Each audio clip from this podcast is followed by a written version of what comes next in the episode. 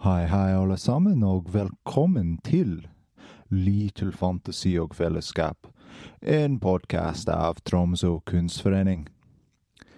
Jeg heter James, og jeg er produsent for denne podkastserien. Velkommen til del to av hver episode om Elehanse, aka Hans Ragnar Mathisen, aka Keveselia. Det vi hører lyden av nå, er en pianostemmer i arbeid. Pianoet er en del av Hans Ragnar Mathiesens utstilling CSV Terecognita, hos TKF. Hans Ragnar er bare et av hans mest brukte navn. På samme kalles han oftest for Elehanse. Han bruker også navnet Kevesilje. Det siste ble gitt til ham da han besøkte Nageland på 70-tallet. I denne episoden skal vi høre fra Gry Sveinfors, kurator på RN Lillesamme senter i Tysfjord, og ansvarlig for samlingen av Hans Ragnar Mathisen sin kunstarv. I tillegg skal vi høre fra Hans Ragnar Mathisen igjen. Han skal gi oss en innsikt til hans grafiske arbeid med samiske trommer. Man kan lære mer om disse kunstverk i en bonusepisode som er tilgjengelig nå. Episoden er en samtale mellom Leif Magne Tangen og Hans Ragnar som tar sted i utstillingens område for et par uker siden.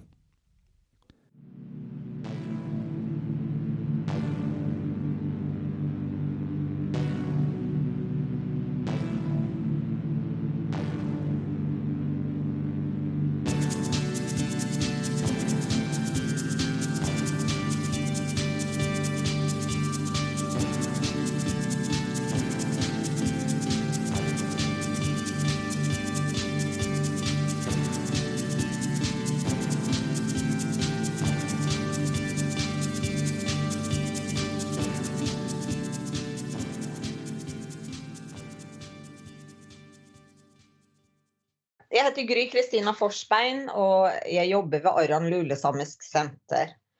Eh, Jeg er ansatt som eh, seniorrådgiver slash kurator slash konservator, men egentlig så vil jeg kalle meg som en ryddepike.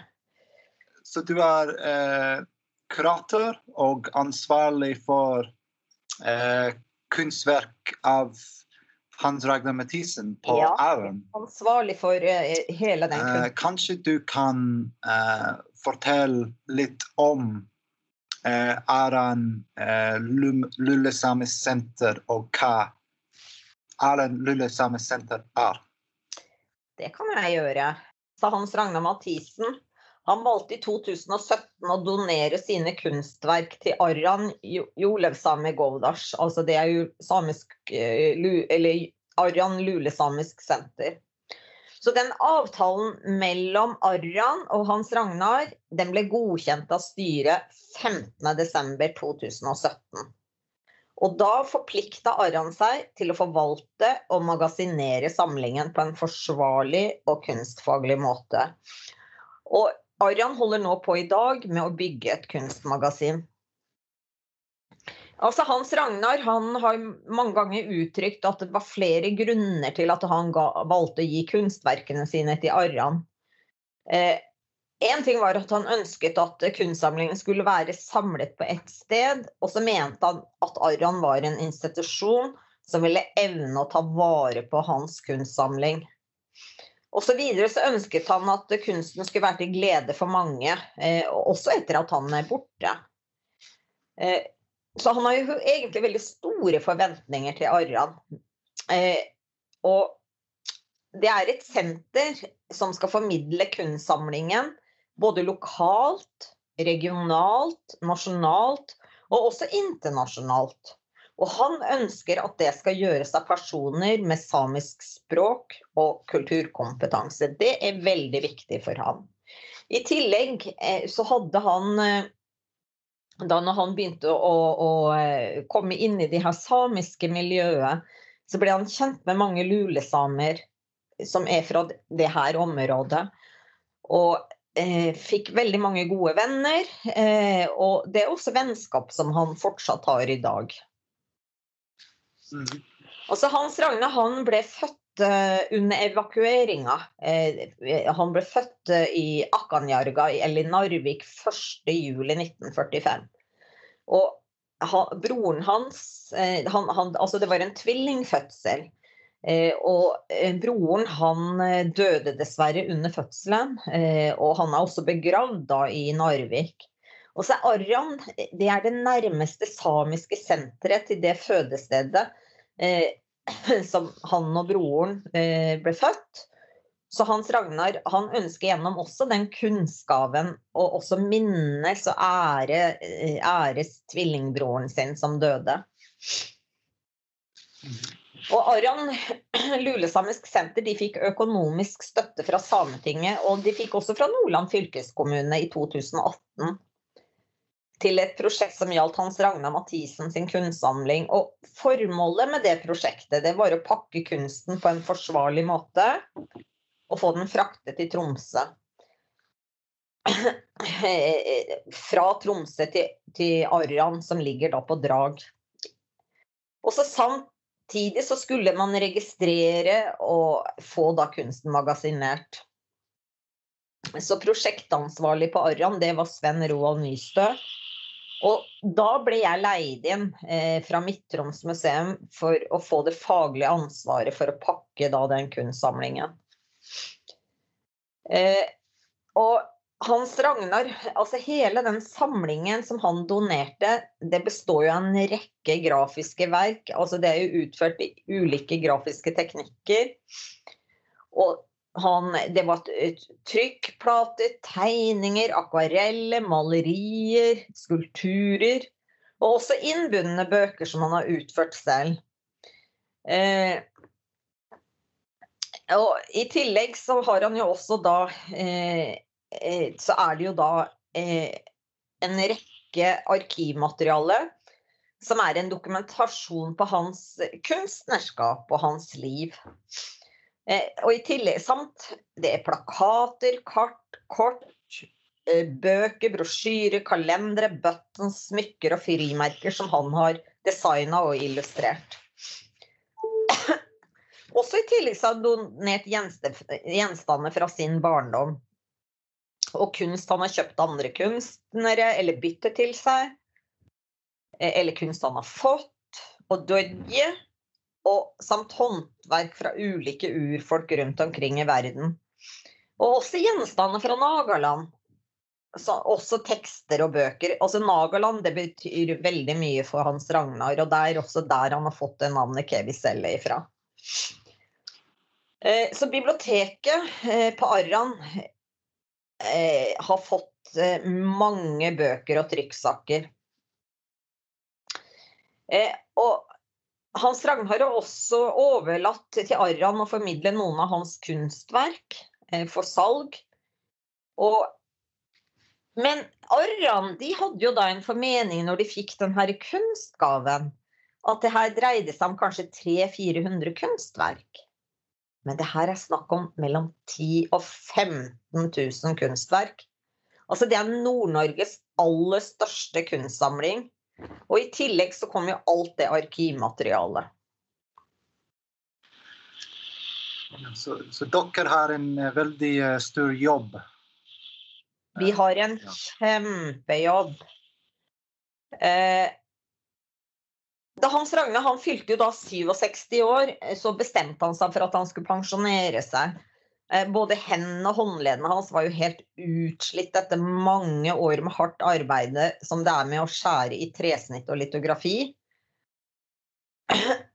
Så han hadde jo da eh, i kjelleren i huset hans som han hadde som atelier, det ga han til den kinesiske familien som bor hos han, eller som har overtatt hele huset hans. Og de, for at de skulle bruke det til å bygge en sånn Airbnb-leilighet. Så alt som var i den kjelleren, ble jo da flyttet opp i hans leilighet. Ute, i noen uteboder og i kjeller. Eh, litt sånn tilfeldig Både på høvelige steder og svært mindre eh, gode oppbevaringssteder.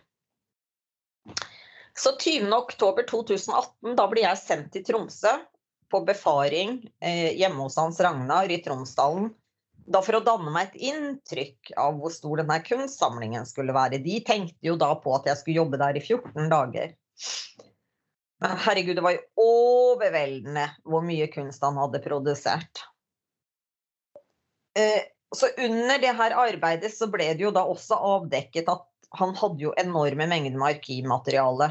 Og, eh, så, og, så hadde han også en del, eh, også ganske mye upublisert poesi og andre tekster som han har skrevet selv.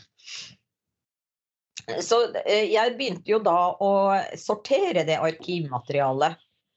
I samråd med han, Hans Ragna så ble det da fordelt mellom Samisk arkiv og Arran. Og den sorteringen det foregikk jo ved at uh, Hans Ragna tok stilling til hvert enkelt objekt. Om det skulle sendes, og i tilfelle hvor, og om det skulle kastes. Og samtidig så var jo han i en kontinuerlig produksjon av annen kunst enn det som skulle fraktes. Og han hadde jo også en døgnrytme som ikke helt passet eh, og fulgte arbeidslivets regler med hensyn til arbeidstid. Og så har han jo også to kanarifugler som, eh, som må sove til klokka ti på formiddagen. Og som ikke må forstyrres før det. Og de fuglene må jo også høre klassisk musikk hele dagen så lenge de er våkne. Så det har jo vært en arbeidskrevende situasjon. Men i alle fall, jeg fylte fem konteinere. Det meste har jeg båret selv. Jeg har hatt noe hjelp. Så jeg har kjørt eh, mellom Hasselberg og Hans Ragnar med kunst og arkivmateriale. Det har faktisk vært veldig, veldig mye tunge løft. Så den jobben som de hadde beregna skulle ta 14 dager, det har tatt altså over ett år. Og jeg som vet hva, hvor lang tid det tar å registrere kunst, jeg har regnet ut at det bare med den kunstsamlingen og det arkivmaterialet, så vil det ta mellom 20 og 25 år for én person å registrere den samlingen. Wow. Eh, det er, ikke, det er jo ikke Altså, Hans Ragnars betydning eh, eh altså hans kunst, altså Betydningen av hans kunstnerskap er jo ubeskrivelig. Hans Ragnar han er jo han er jo en veldig kjent samisk kunstner. Og han er både representert nasjonalt og internasjonalt. Og så har han vært med på å løfte og synliggjøre samisk kunst som tidligere ikke har vært synliggjort. Og også hans politiske engasjement og også hjertet for den uretten som den norske stat gjennomførte med fornorskningspolitikken og kolonialiseringen av samene, også det er synliggjort gjennom hans kunst, og også hans øvrige virke. Hvorfor er Hans Ragnar viktig for både samisk politikk, men også samisk uh, kunst? Hans politiske engasjement og den hjertet han har hatt for den uretten den norske staten har eh, eh gjennomført med fornorskningspolitikken og kolonialiseringen av samene, det har Hans Ragnar klart å synliggjøre gjennom sin kunst, og også hans øvrige virke. Eh, I 2019 eh, så hadde Hans Ragnar arbeidet som profesjonell kunstner i, i 50 år. Og han har også gjort seg bemerka langt utover Norges grenser. Og særlig de kartografiarbeidene hans har høstet også stor anerkjennelse. Ikke bare nasjonalt, men også internasjonalt. Og det og i 2017 så var Hans Ragnar representert på Dokumenta 14. Eh, og han hadde, han hadde, jo en veldig sentral plass eh, i Kassel. Eh, på det naturkundermuseet im Otoneum. Jeg er ikke noe flink i tysk. Men da hadde han også to grafiske verk og seks håndtegnede kart over Sápmi og de kartene her var laget mellom 1924, nei, 1974 og 2017, så han holder jo fortsatt på med kartproduksjon. Eh, og for Hans Ragnar så tror jeg at det var veldig stort for han å få være med. Eh, og det var seks samiske kunstnere som deltok på Dokumenta i 2017. Eh, han har jo vært ufattelig produktiv, og så har han deltatt på en rekke utstillinger både nasjonalt og internasjonalt. Og han er også innkjøpt av flere store og mindre institusjoner og han har hatt en rekke utsmyknings- og illustrasjonsoppdrag, det vet vi jo eh, fra alle den, hele den bokproduksjonen Eller alle de bøkene han har illustrert, det er jo ufattelige mengder. Så betydningen av hans kunstnerskap kan man bare i dag fatte konturen av. Eh, og Arrans framtidige arbeid med kunstgaven vil jo bli svært viktig i den sammenhengen. Eh, så det er ikke tvil om at hans kunstnerskap eh, både har, eh, har vært og vil bli viktig for, for samisk kunst. Mm.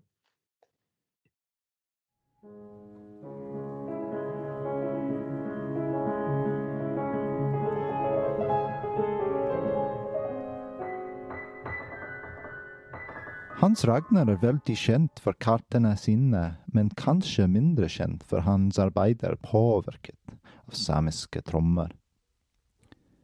Jeg spurte ham om hvorfor han begynte å lage disse verkene. Ja, det var fordi at uh, først og fremst så hadde jo jeg investert i en god del bøker. Både etnografiske og andre bøker og monografier som berører samisk kunst og kultur og samfunn. Og blant disse var det to, en, en svær en dobbel monografi av uh, den svenske forskeren uh, Ernst Manker. Som uh, kan man kanskje si er en slags parallell til Justmund Kvikstad på norsk side. og Eh, begge brukte ordet um, lapp istedenfor same. Så det er kanskje iallfall det eneste negative som jeg kan anføre når det gjelder de. Det er sikkert andre ting òg. Men Ernst Macker han, han uh,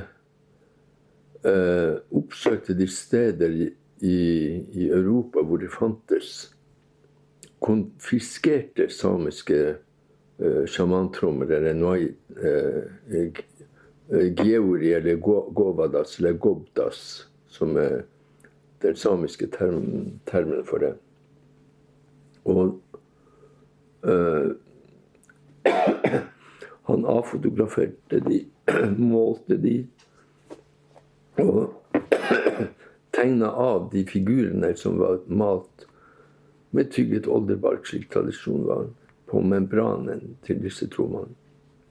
Og så utga han de da i, i to volumer. Det første volumet da beskriver trommene rent uh, fysisk. Hvor brede de er, hvor store de er, og hvor de kommer fra osv. Mens uh, det andre bindet det konsentrerer seg om de figurene som er malt på membranen. Og eh, disse fascinerte jo meg da som, som ung same, og eh, som da søker sine røtter. Fordi det er jo, det er jo en del av vår, eh, vår visuelle kultur som på en måte var i ferd med å om ikke gå tapt, så iallfall uh, være skjult. Eh, så bortsett fra de bøkene til Manker og et par mindre bøker som han også laga, eh, samisk kunst, og så laga en Noid-kunst Det var to mindre bøker som da viste noen av disse trommene og, og, og historier rundt de. Så hadde ikke den samiske offentlighet, eh, bortsett fra forskere osv., noe særlig tilgang til disse, eller kanskje ikke engang kunnskap om det. Så på samme måte som mine kart med samiske stedsnavn åpna øynene opp for eh, for mange eh, lokale samfunn at det, det, fantes samiske samfunn andre steder også, hvor samisk fortsatt var levende, og hvor det fantes samiske stedsnavn. Eh, slik at eh, når det gjelder trommene, så prøvde jeg å visualisere de mest representative trommene som, som, tre, tre, som tresnitt, men i, i eh, faksimile. Det betyr altså i den riktige størrelsen. Fra de minste trommene til de, de to største. Og det er ganske store forskjeller. Det sies at det fantes enda større trommer. Grunnen til at det finnes små trommer, må jo ha vært det da den forfølgelsen begynte fra skandinavisk hold og kanskje russisk hold om å konfiskere eh, trommene. Og det var jo utstedt dødsstraff for, for enhver som var i besittelse av en tromme. Slik at trommene ble laget mindre og gjemt. Uh, Ernst Manke, da, han, uh, det andre bindet som han laga, der, der uh, beskriver han disse kalkeringene av, av figurene. og han på en måte skjærer alle over én kam. Dvs. Si han lar uh, en tolkning som da han har funnet ut av sånn og sånn er det. Det må være den guden, det må være den gudinnen. Så han har overført det uh, til hele det samiske området. Men det er jo kanskje ikke så riktig, fordi det finnes jo regionale forskjeller. Og eh, religionsforskeren Håkan Rydving var vel den som først påpekte dette gjennom eh, sine avhandlinger. Men ikke desto mindre. Jeg fant disse figurene så interessante at jeg valgte da å lage 31 eh, tresnitt av disse. Og en, jeg har jo også laget tresnitt av helleristninger. Noen faktisk i størrelse én til én. For vi er så heldige her i Tromsø-området på Sallisolo. Eh, ved Ravnje, ved, eh, ved Ravnjevotna og Ravnisolo. Der finnes da eh, helleristninger som er svært interessante. Og eh, disse, disse ristningene de finnes på en plass hvor det er rikelig med uh, fiske og jakt. Altså, det var ikke tilfeldig hvor disse helleristene ble, ble, laget.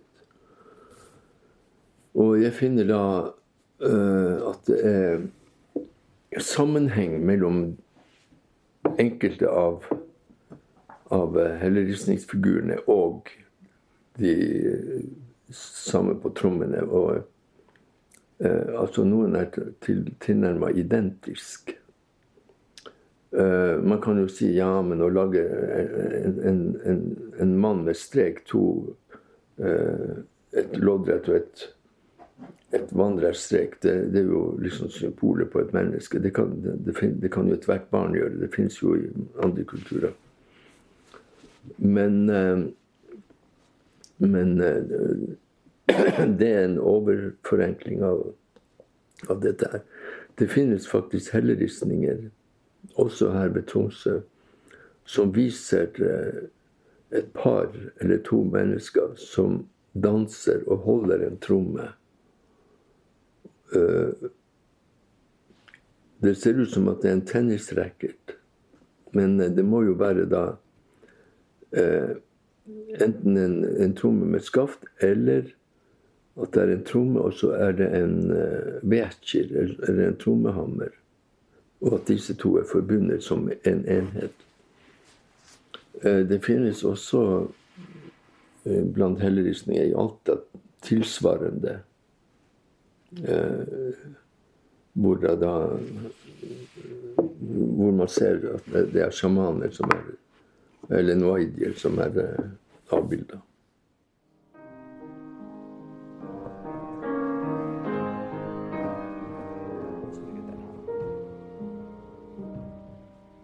Og med det ser vi takk for oss for denne gang.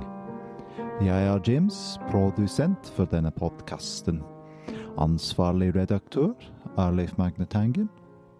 Takk til Gry Sveinfors fra RN Lullesamens senter. Takk til Camilla Fagelli for hjelp med manus. Takk til Frittor for støtte til å lage podkasten. Kjenningsmelodien er av Ondre Ingerås. Musikken du hørte i episoden, var spilt av Hans Ragnar Mathisen. Podkasten er tilbake om to uker. Vi høres da.